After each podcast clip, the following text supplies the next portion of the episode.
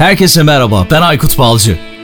Teknoloji, iş dünyası ve dijitalde trendleri konuştuğumuz Dünya Trendleri Podcast serisinin yeni bölümüne hepiniz hoş geldiniz. Dünya Trendleri Podcast'in 25. bölümünden herkese merhaba. Ben Aykut Balcı. Tekrar bir kez daha karşınızdayız ve robotları konuşuyoruz. Yapay zeka ve robotların insanlarla işbirliğini konuşuyoruz. Ve ikinci kısımla şimdi karşınızdayız. Konuğum Berlin Teknik Üniversitesi'nden akademisyen ve eğitmen Orhan Can Görür. Her zaman olduğu gibi ben Almanya'dayım. O da Almanya'da karşımda. Birazdan ikinci kısma kaldığımız yerden devam edeceğiz ama ilk kısmın şöyle bir özetini geçelim isterseniz. Orhan Can Görür'ü tanıdık. Neler yapıyor yapay zeka konusunda? Hangi alanlarda neler yaptığını bize anlattı ilk kısımda Orhan Can Görür. Yapay zeka hangi alanlarda kullanılıyor ve robot teknolojisinin geldiği son nokta nedir? Robot çeşitleri nelerdir? Bunlardan bahsettik ilk bölümde, ilk kısımda daha doğrusu. Robotlar ne kadar zeki, teknik işleyişleri nasıl? Gelecekte insanları zeka olarak geride bırakacaklar mı? Ve onun dışında yapay zeka konusunda robotların işbirliği, daha doğrusu yapay zeka ve robotlar arasındaki ortaklık nasıl olacak? Bunları konuştuk. Şimdi ikinci kısımda devam ediyoruz ve ikinci kısımda da kaldığımız yerden yapay zeka ve robotların insanlarla işbirliğini konuşmaya devam ediyoruz. İkinci kısım başlıyor. O zaman şimdi birazcık şu robotları ne zaman seviyoruz diye bir şey görmüştüm bir yerlerde bir yazı görmüştüm. Ondan bahsedeyim sana. Robotları ne zaman Hı-hı. seviyoruz bunu sorayım daha doğrusu. Bir de Hı-hı. Uncanny Valley diye Gizemli Vadi isimli bir kavram varmış. Bu merak ettiğim bir konu açıkçası. Bu konuda evet. bilgin var mı? Bundan konuşabilir miyiz? Robot endüstrisinde tabii. Gizemli Vadi diye bir kavram varmış. Tabii tabii. Yani robotları ne zaman seviyoruz bu genel soruya bir genel bir cevap verecek olursam aslında robotları bizim Angarya iş, gördüğümüz işleri yaptığı zaman seviyoruz bir nevi düşündüğümde. Hani ya da bir işte bir fabrikaya verimlilik ve kar hani az masraf getirdiği zaman seviyoruz. Hı hı. Ya da işte insanlar için tehlikeli işleri yaptıklarında seviyoruz. Daha hassas işleri insanlardan daha iyi daha iyi yapabiliyorsa seviyoruz ki genelde yapamıyorlar ama. Ama tabii bunların hepsinde öncelikli olarak güven çok önemli. Yani bir insanın ya da iş işte sahibinin ya da o robotun kullanıcısının robotun bu bütün saydığım işleri ne seviyede iyi yaptığına güvenmesi gerekiyor. Yoksa hiçbir zaman sevemeyeceğiz tabii ki. Bir tabii insanların yerini tutması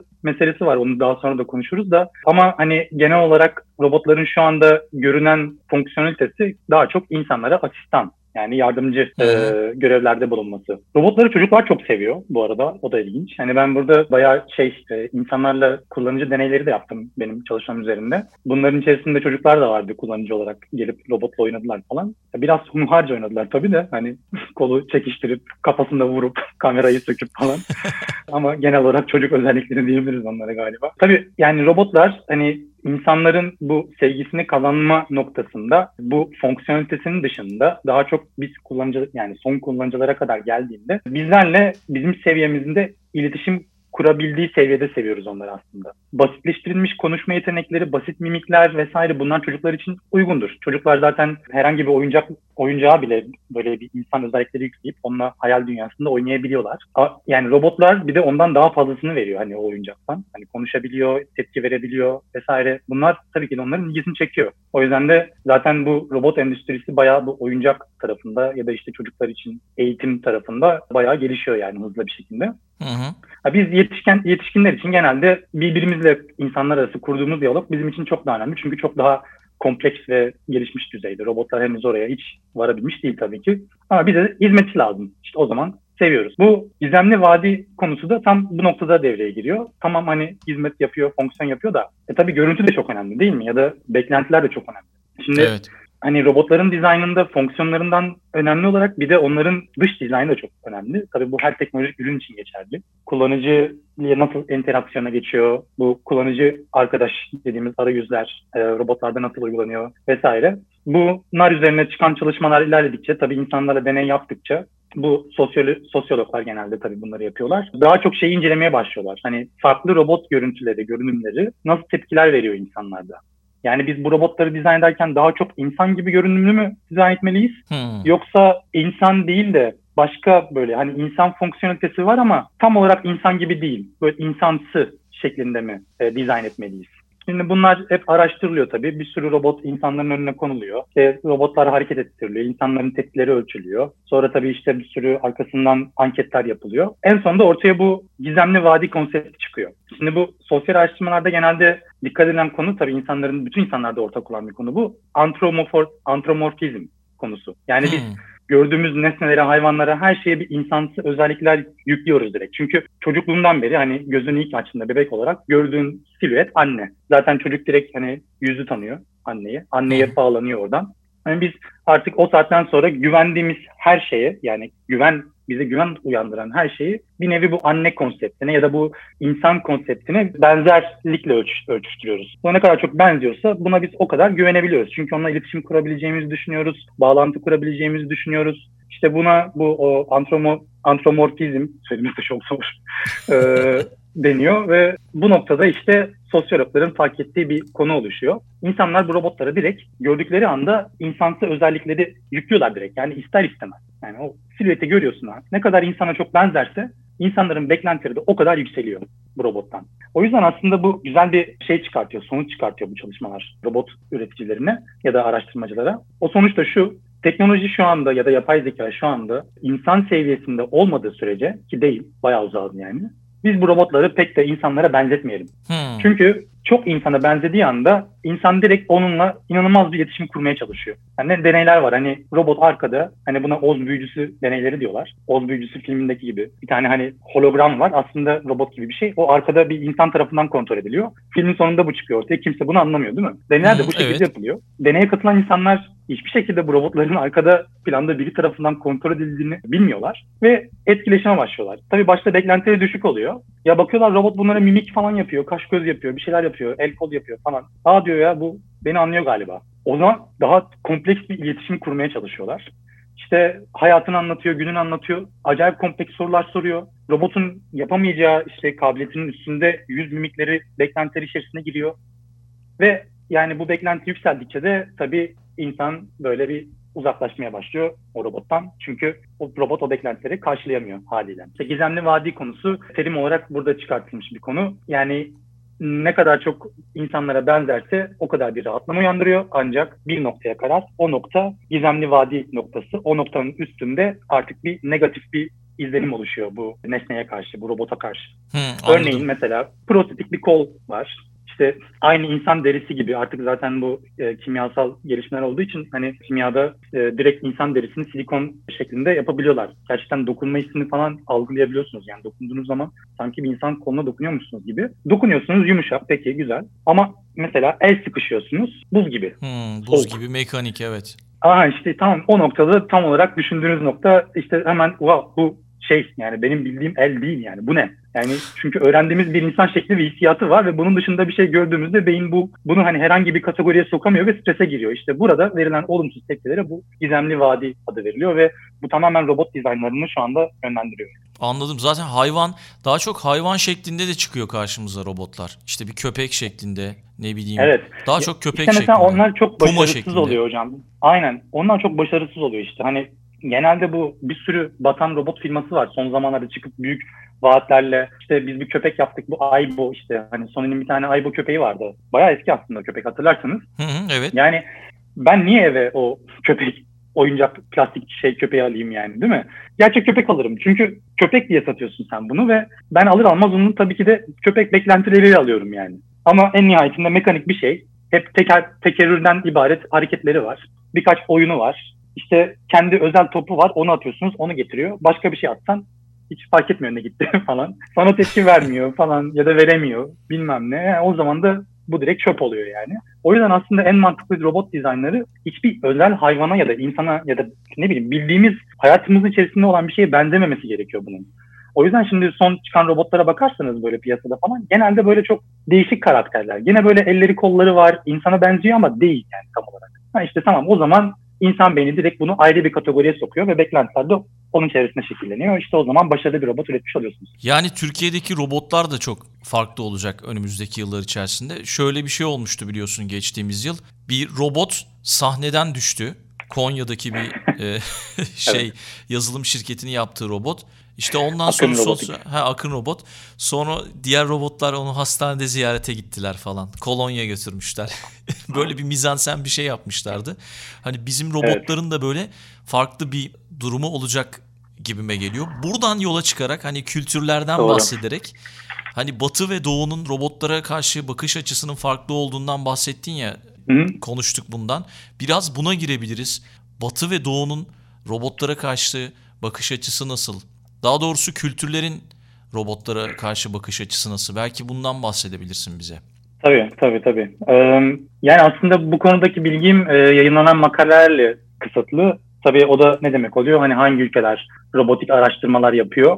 Sadece onları bilebiliyoruz. Tabii onlar da genel olarak motivasyon kısımlarında makalelerinde hani niye böyle bir robot yaptıklarına çok fazla örf ve adetlerine değinmiyorlar. Ki Hı hı. böyle bir makalenin ya da böyle bir robotun uluslararası bir başarıya ulaşması için kültüre çok spesifik olmaması gerekiyor. Ki şu anda hani robotik araştırmaları ki global dünyada hani tek amaç e, kar etmek olduğu için özellikle bu e, ticarette yani hani sivil uygulamalarda diyeyim çok büyük bir tüketiciye ulaşmak için bütün dünya çapında aslında çok kültürel ögeleri ya da işte örf adetleri koymamak gerekiyor pek. Ama Hmm. tabii ne bileyim yani doğuda ve batıda mutlaka bir farklı bir bakış açısı var yani. Hani farklı motivasyonlar sizi belli robot dizaynlarına sevk ediyor. Bunlar da hep tabii yatırımlar hangi alanları yapılıyorsa, ne şekillerde yapılıyorsa o şekilde ilerliyor.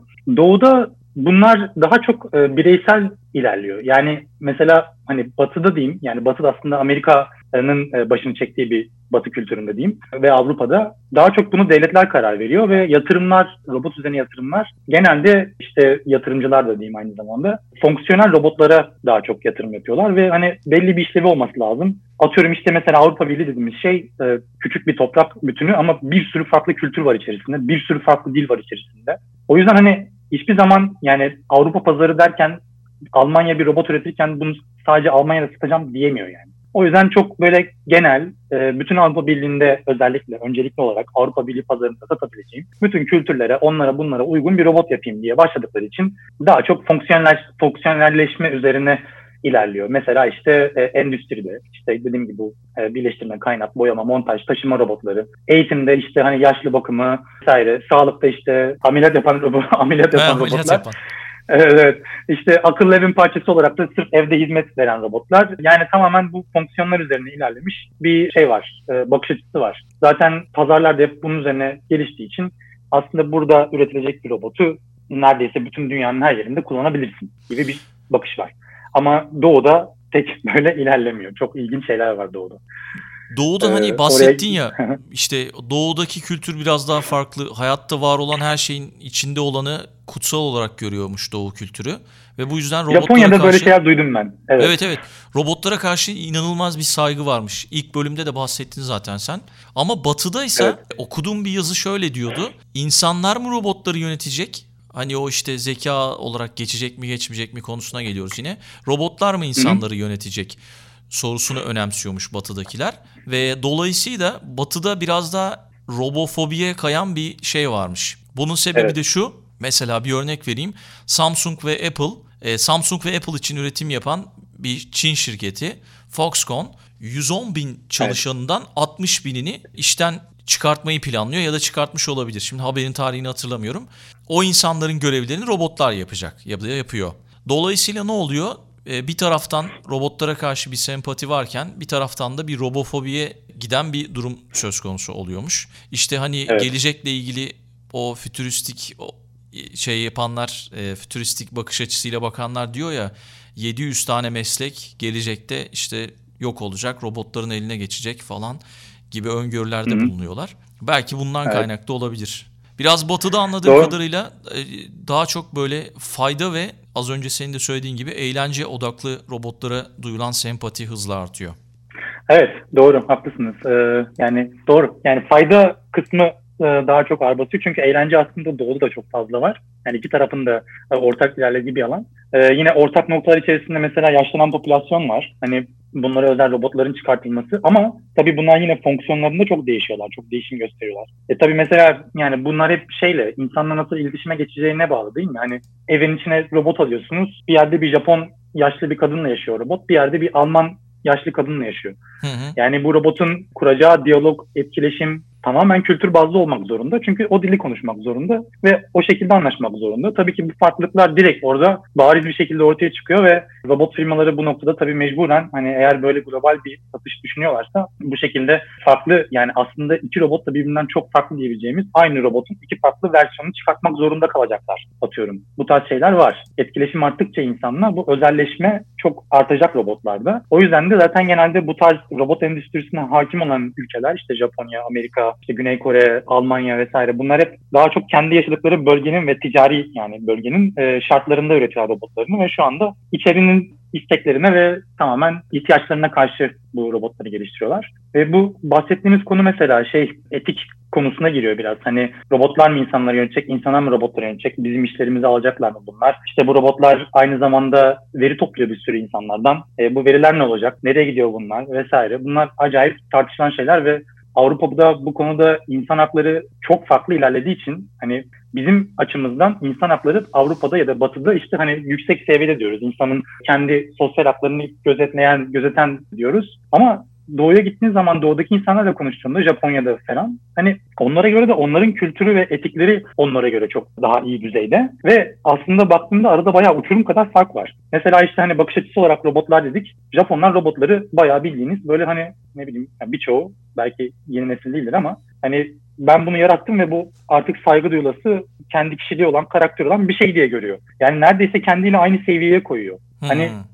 Adamlarda hiçbir şekilde ben mi bunu kontrol ederim, o bu beni kontrol eder diye bir şey yok. O yüzden bu hani companion, bu arkadaşlık mevzusu orada çok daha ileri seviyede yani ve o yüzden de o robot data kaydediyorsa, veri kaydediyorsa o adamın hiç umurunda değil. Zaten o adam da o robotla ilgili veri kaydediyor gibi bir algı var. Sırf bu yüzden bu sosyal robotlar denilen insanlarla etkileşime geçebilen işte evlerde, fabrikada, orada burada robotlar Japonya'da çok daha hızlı ilerliyor. Batı'da da daha çok dediğim gibi işte endüstriyel, daha fonksiyonel uygulamalarda robotları görebiliyoruz. Peki hangi konularda robotlar insanların yerini tutamıyor? Evet, güzel bir soru. Ya işte hani aslında bir nevi düşündüğümüz zaman bahsettiğim gibi robotlar insanların yerini tutmak için değil de ilk amacı hani insanlara hizmet etmek için üretiliyor genel olarak. Genel hı hı anlamda. Hani bu dediğim gibi Japonya'da bile atıyorum bir işte hayat arkadaşı ya da seks robotu ya da işte ne bileyim eğlence robotu böyle abuk subuk danslar yapan robotlar var. Yani gerçekten çok satıyor bunlar ama sadece el kol oynatıyor, şarkı söylüyor değişik bir tane. İnsanlar çevresinde böyle oynuyor yani. Hani bizim çok şey garip ya. Mi? Bize çok garip ya. Nasıl? Striptiz var gibi bir şey mi yani? Yok hocam böyle bildiğin şey oyuncak küçük bir robot. Ha şarkı Anladım, söylüyor. He, tamam. Ha, Pardon, bu Japonların ben... çok animeleri falan oluyor ya yani. Hani o tarz bir şeyden bahsediyorum. Anladım. Hani bu en basit seviyedeki öbür türlüsü olsa sürpriz daha yapar o daha ilgi çekici olur o basıda da tutar yani emin ol. bu, bu bahsettiğim şey daha çok şeyde yani. Hani böyle garip garip oyuncak gibi bir şey ama her yaştan insan bunu severek alıyor evine oynuyor bununla falan.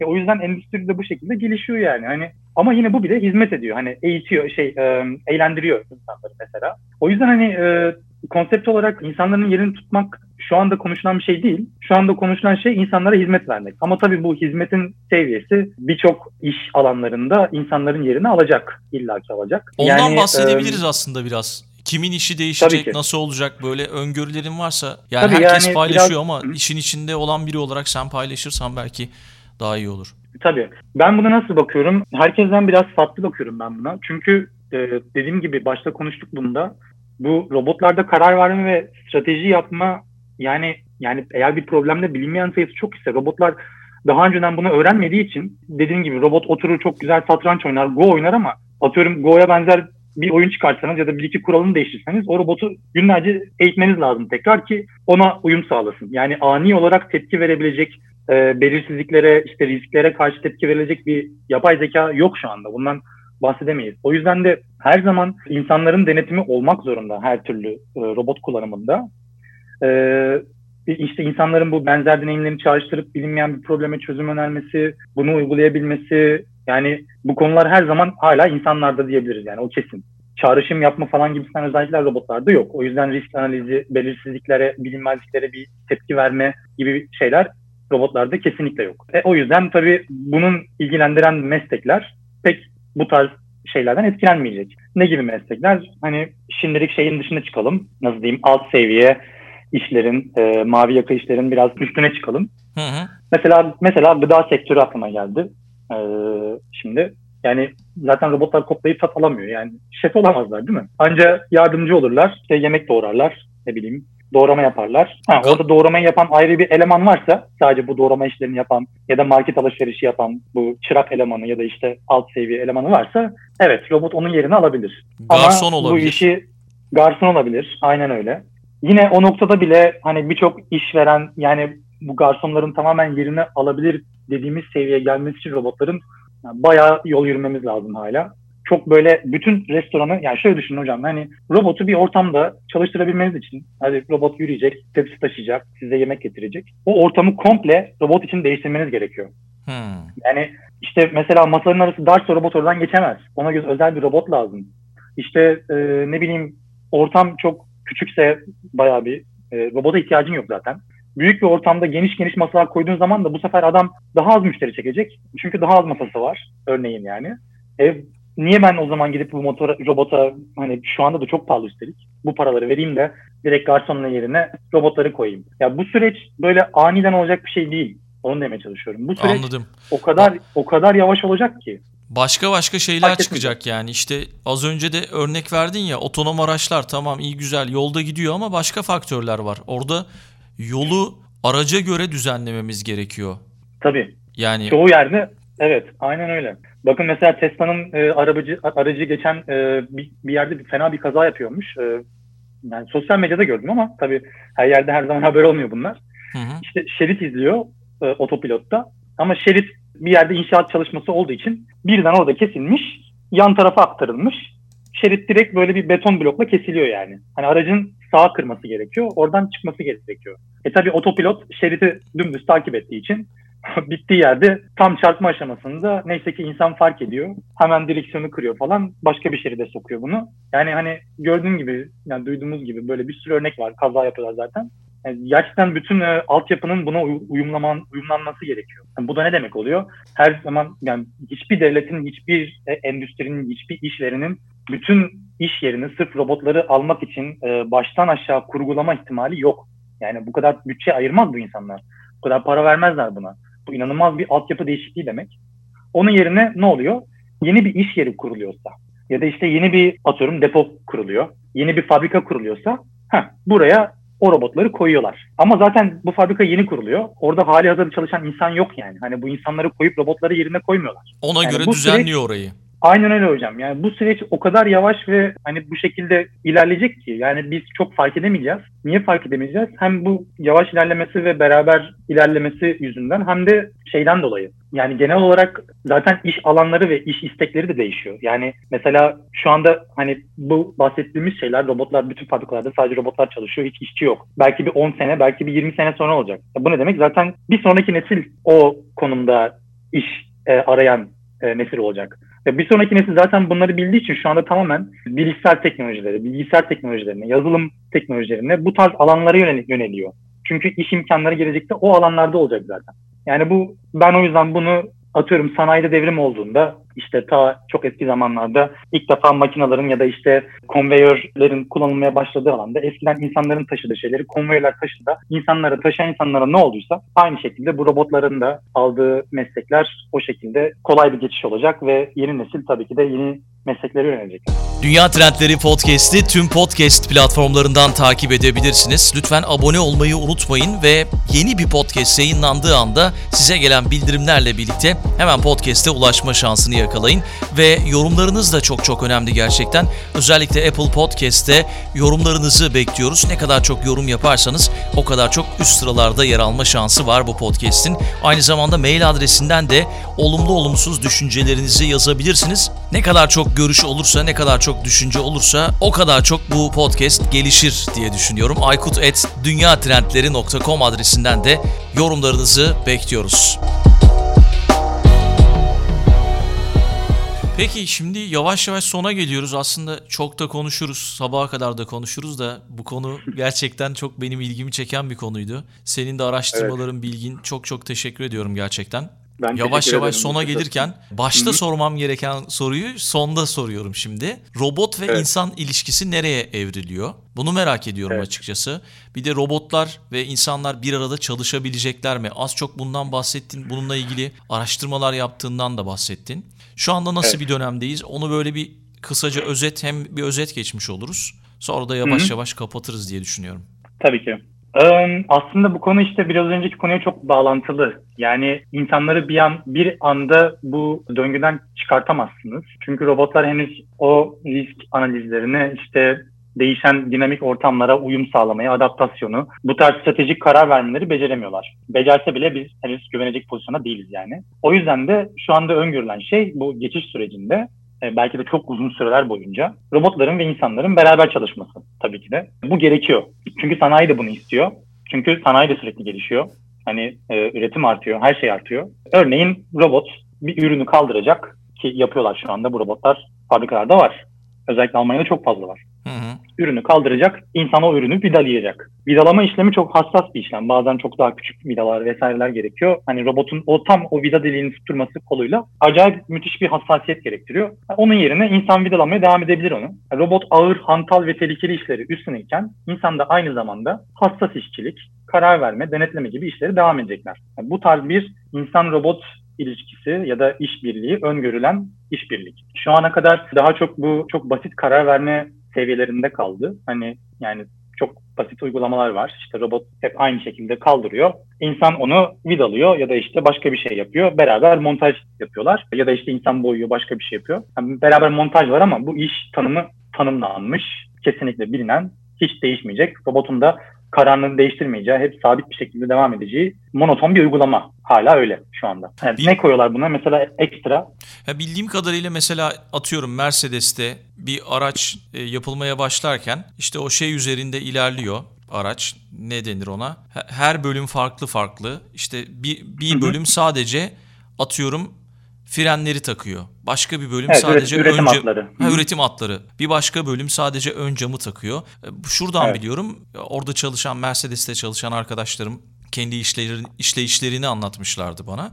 İşte biz dedi mesela sadece fren balatalarını takıyoruz. Sallıyorum şimdi yani. evet. Mesela öyle bir şey olacak anladığım kadarıyla. Bir tarafta robot, bir tarafta insan birlikte Evet. e, bi- birlikte bir, bir işbirliğine gidecekler. Aynen öyle. Ve oluyor şu anda bu. Yani Değil bu mi? var. Oluyor ha. Evet çünkü e, yani önceden öngörülen e, sanayi sisteminde robotların otonom e, üretim hatlarında çalışması insanların bunlardan uzakta denetleme yapmasıyla oluyordu. Çünkü robotlar çok hantal, büyük ve daha gü- yani güvensiz oldukları için insana zarar verebilir diye insanların bunlara yaklaşması sınırlandırılmıştı ya da yasaklanmıştı. Şimdi işte özellikle bu e, collaborative robot diyorlar, cobot diyorlar hatta ismine yeni koydular böyle işbirlikçi robotlar diye. Bu robotlar şu andaki aşamada insanın onlara dokunmasını anlayabiliyorlar. Ya da insanın varlığını etrafta sezebiliyorlar. Ya Bu durumda işlevselliklerini düşürüyorlar. Yani gene bir çok monoton bir karar bu. Eğer et insan görürsen etrafta atıyorum işte bu kadar hızla çalışıyorsan o hızını yarıya düşür. Ki yüksek newtonlarla böyle birden bir kol hareketiyle insana vurup zarar verme gibi. O yüzden bu teknoloji geliştiği için hatta robot kolunu tutabiliyorsunuz şu anda. Tuttuğunuzu anlıyor. O kolu istediğiniz yere çekebiliyorsunuz. Yani bu şekilde daha çok farklı işlemleri uygulayabiliyorsunuz aynı robotu. E tabii bu, bu robotlar çıktığı için bunları çünkü üreten özel firmalar çıktı. Önceden Mercedes kendi robotunu üretiyordu. Belli fonksiyonitesi var. Sadece onu yapıyordu robot. Şimdi bu robot böyle esneklik ve adaptasyon özellikleri kazandıkça farklı yerlerde uygulanıyor ve şu anda robotların geldiği, işbirlikçi robotların geldiği son nokta bu. Senin Ee, yaptığın ama- araştırma da bu yöndeydi değil mi? En son yaptığın araştırma. Evet. Ko- Kobotlar. Benimki bunun aynen benimki bunun bir sonraki seviyesi hocam. Yani Hı, bir, bir sonraki, sonraki seviye. seviyesi bir sonraki seviyesi nedir? Robotların daha etkili bir şekilde insanlar ile çalışma, çalışması için yani insanları anlaması gerekiyor. Daha yakından anlaması gerekiyor. Çünkü çalıştığın insan ki 2-3 sene önceydi yanlış hatırlamıyorsam Volkswagen'in fabrikasında bir tane robot gerçekten insanı öldürdü yani. Yani her ne kadar güvenli falan diyorsanız da hala birçok Evet. e, sıkıntı çıkabiliyor yani. O yüzden Almanya da bu konularda iyi yatırımlar yapıyor. İnsan robot etkileşimi, insan robot işbirliği üzerine. Bu robotları daha öngörülü nasıl yapabiliriz? Şimdi robotların bugüne şu ana kadar bahsettiğimiz zekaları genelde hep e, işlevsel zeka diye geçiyor. Ama e, insanların bir de duygusal zekası var. Yani bu du- duygusal zeka işte bu sosyal robotların girdiği konu bu aslında. Bu duygusal zekayı nasıl anlayabiliriz? Robotlarda bu duygusal zekayı nasıl işleyebiliriz?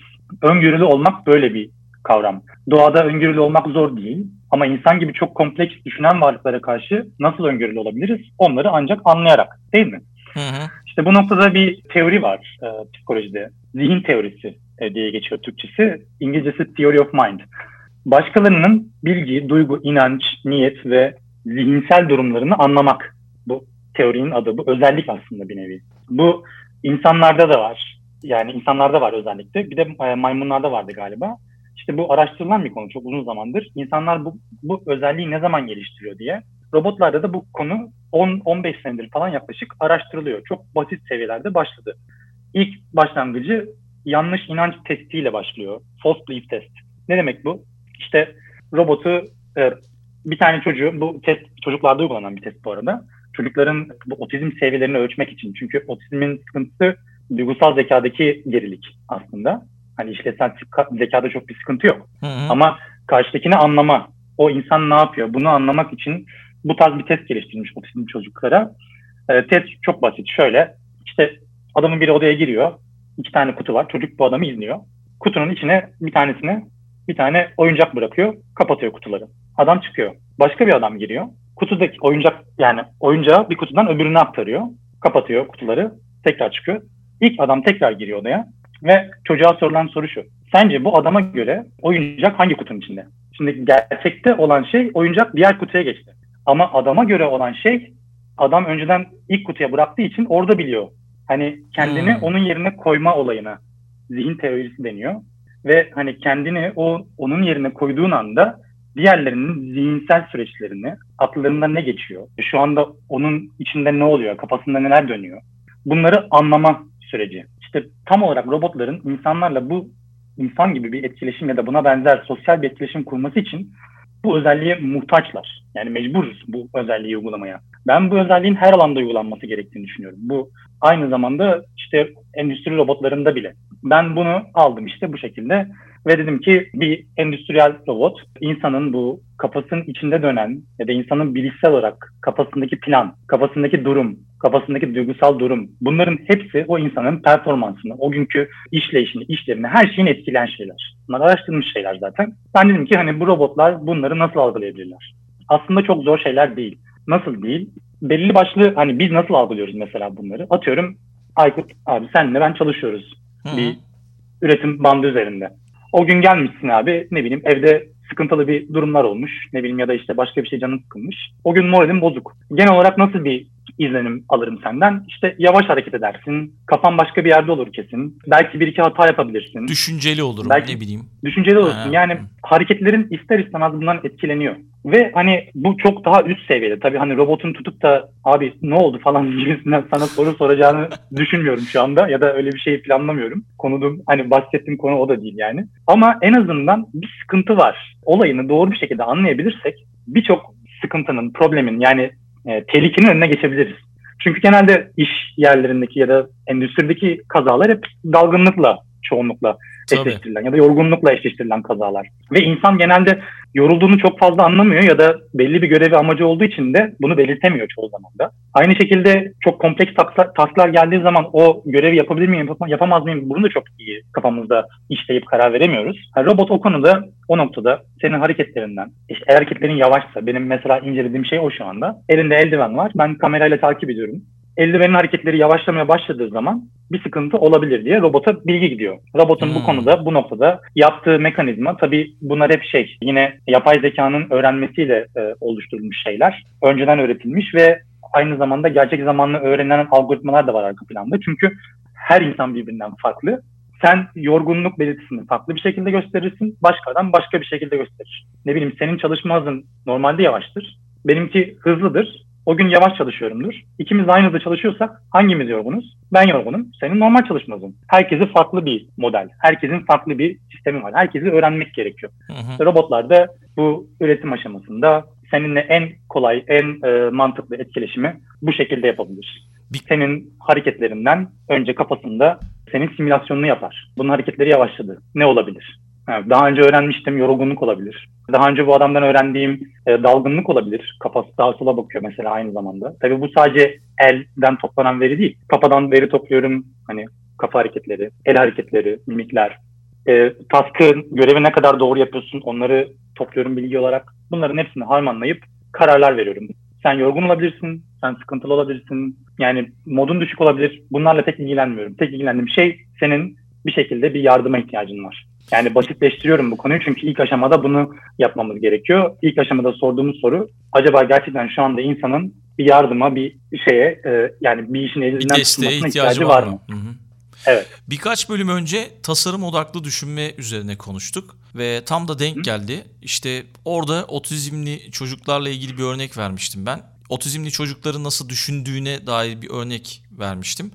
Şöyle Temple Grandin'in bir filminden bahsetmiştim. Bilmiyorum izledin mi bu filmi? Ee, şimdi belki bilgisayarlarla hani otizmli çocukları benzer bir şeye koydun ya nasıl düşünüyorlar diye. Ona bir örnek Hı. vereceğim. Orada Temple Grandin'in teyzesi diyor ki hadi yat diyor. Sabah eniştenle birlikte horozlarla birlikte kalkacağız diyor. Şimdi bunu biz normal evet. bir insan olarak nasıl algılarız? Horoz öter ve biz kalkar e, ve işte o iki kişi kalkar diye algılarız değil mi?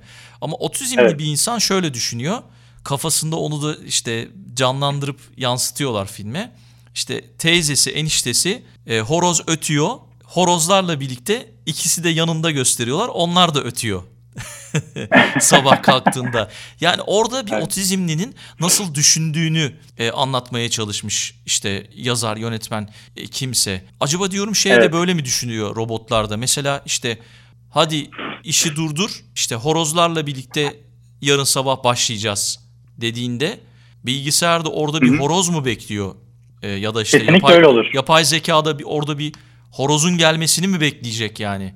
Ee, bunu evet. bunu işte bunu zamanla öğrenmesi gerekiyor senin anlattığın şekilde. Evet, aynen öyle. Çünkü yani biz bir cümle kurduğumuzda o cümlenin altında birçok farklı anlam yatabilir yani. Gibi. Hani bu evet. mecaz olabilir, ironi olabilir, şaka yapıyor olabilirim, gerçekten öyle bir şeyden bahsediyor olabilirim. Bu tamamen hani benim düşünme sürecimle ilgili bir şey ve sen beni tanımıyorsan benim aslında ne kastettiğimi pek bilemez açıkçası. Hı hı. O yüzden de hani ya da sen kendini benim yerime koymazsan bunu gerçekten doğru anlamını e, yükleyemezsin. Ona göre doğru karar veremezsin.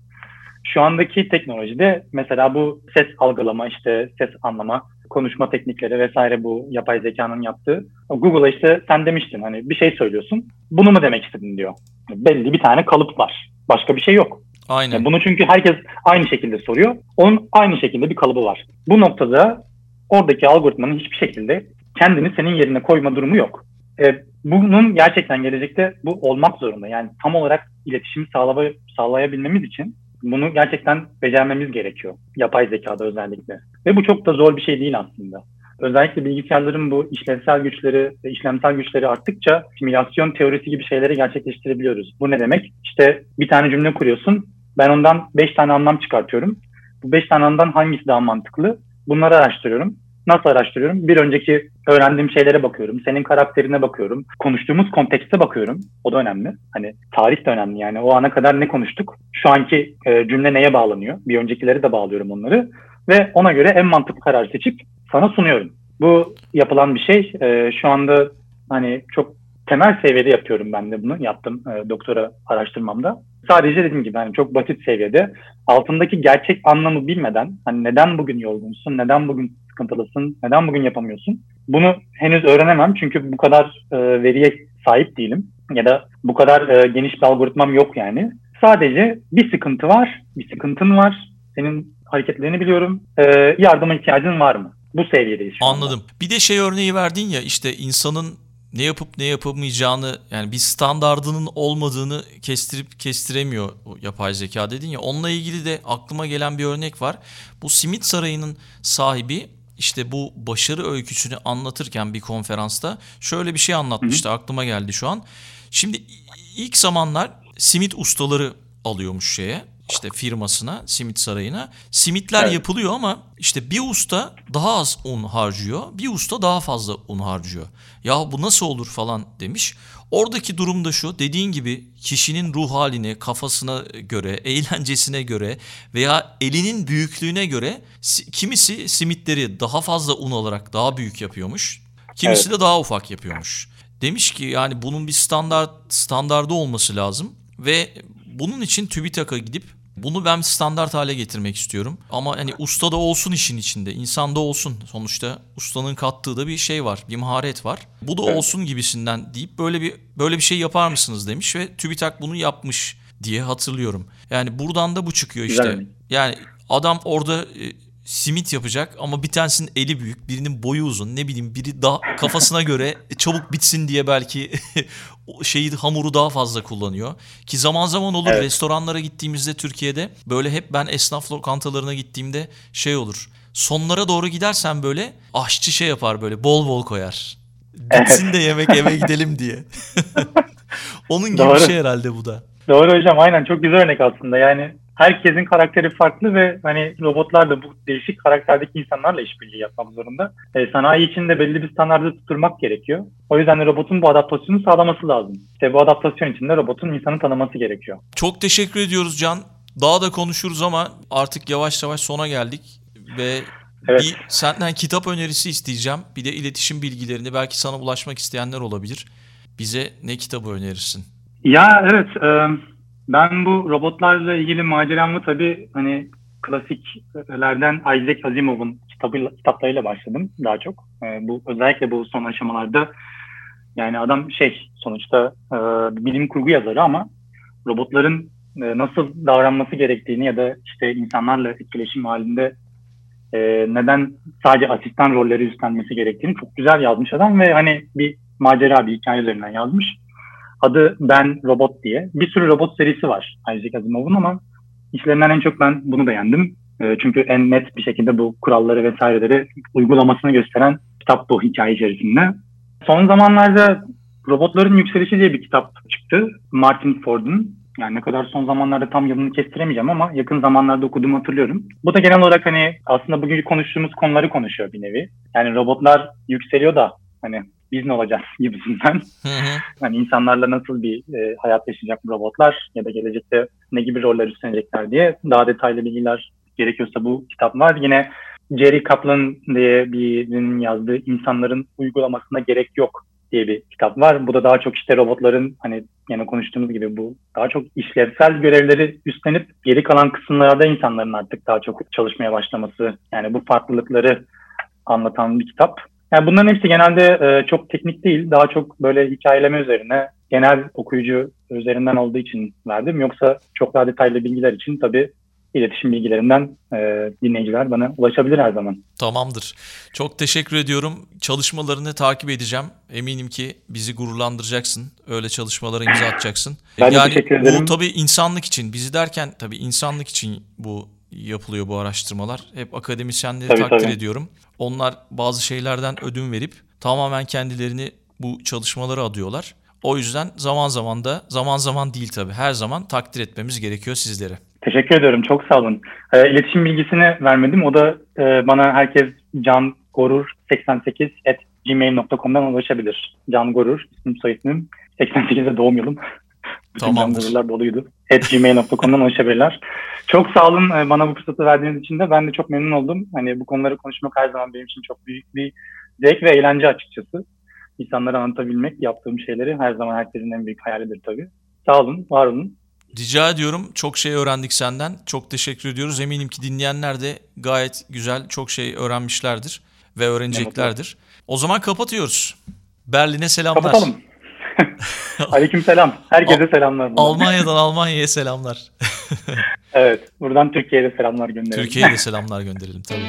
Dünya Trendleri Podcast serisinin bu bölümünün sonuna geldik. www.dünyatrendleri.com Twitter'da @dünyatrendleri, Instagram'da dünya.trendleri adreslerinden Dünya Trendleri Podcast'i takip edebilirsiniz. Unutmayın önerileriniz ve merak ettikleriniz içinse info.dünyatrendleri@gmail.com adresinden mail atabilirsiniz. Bu bölümü dinlediğiniz için çok teşekkürler. Yeni bölümde tekrar buluşmak üzere.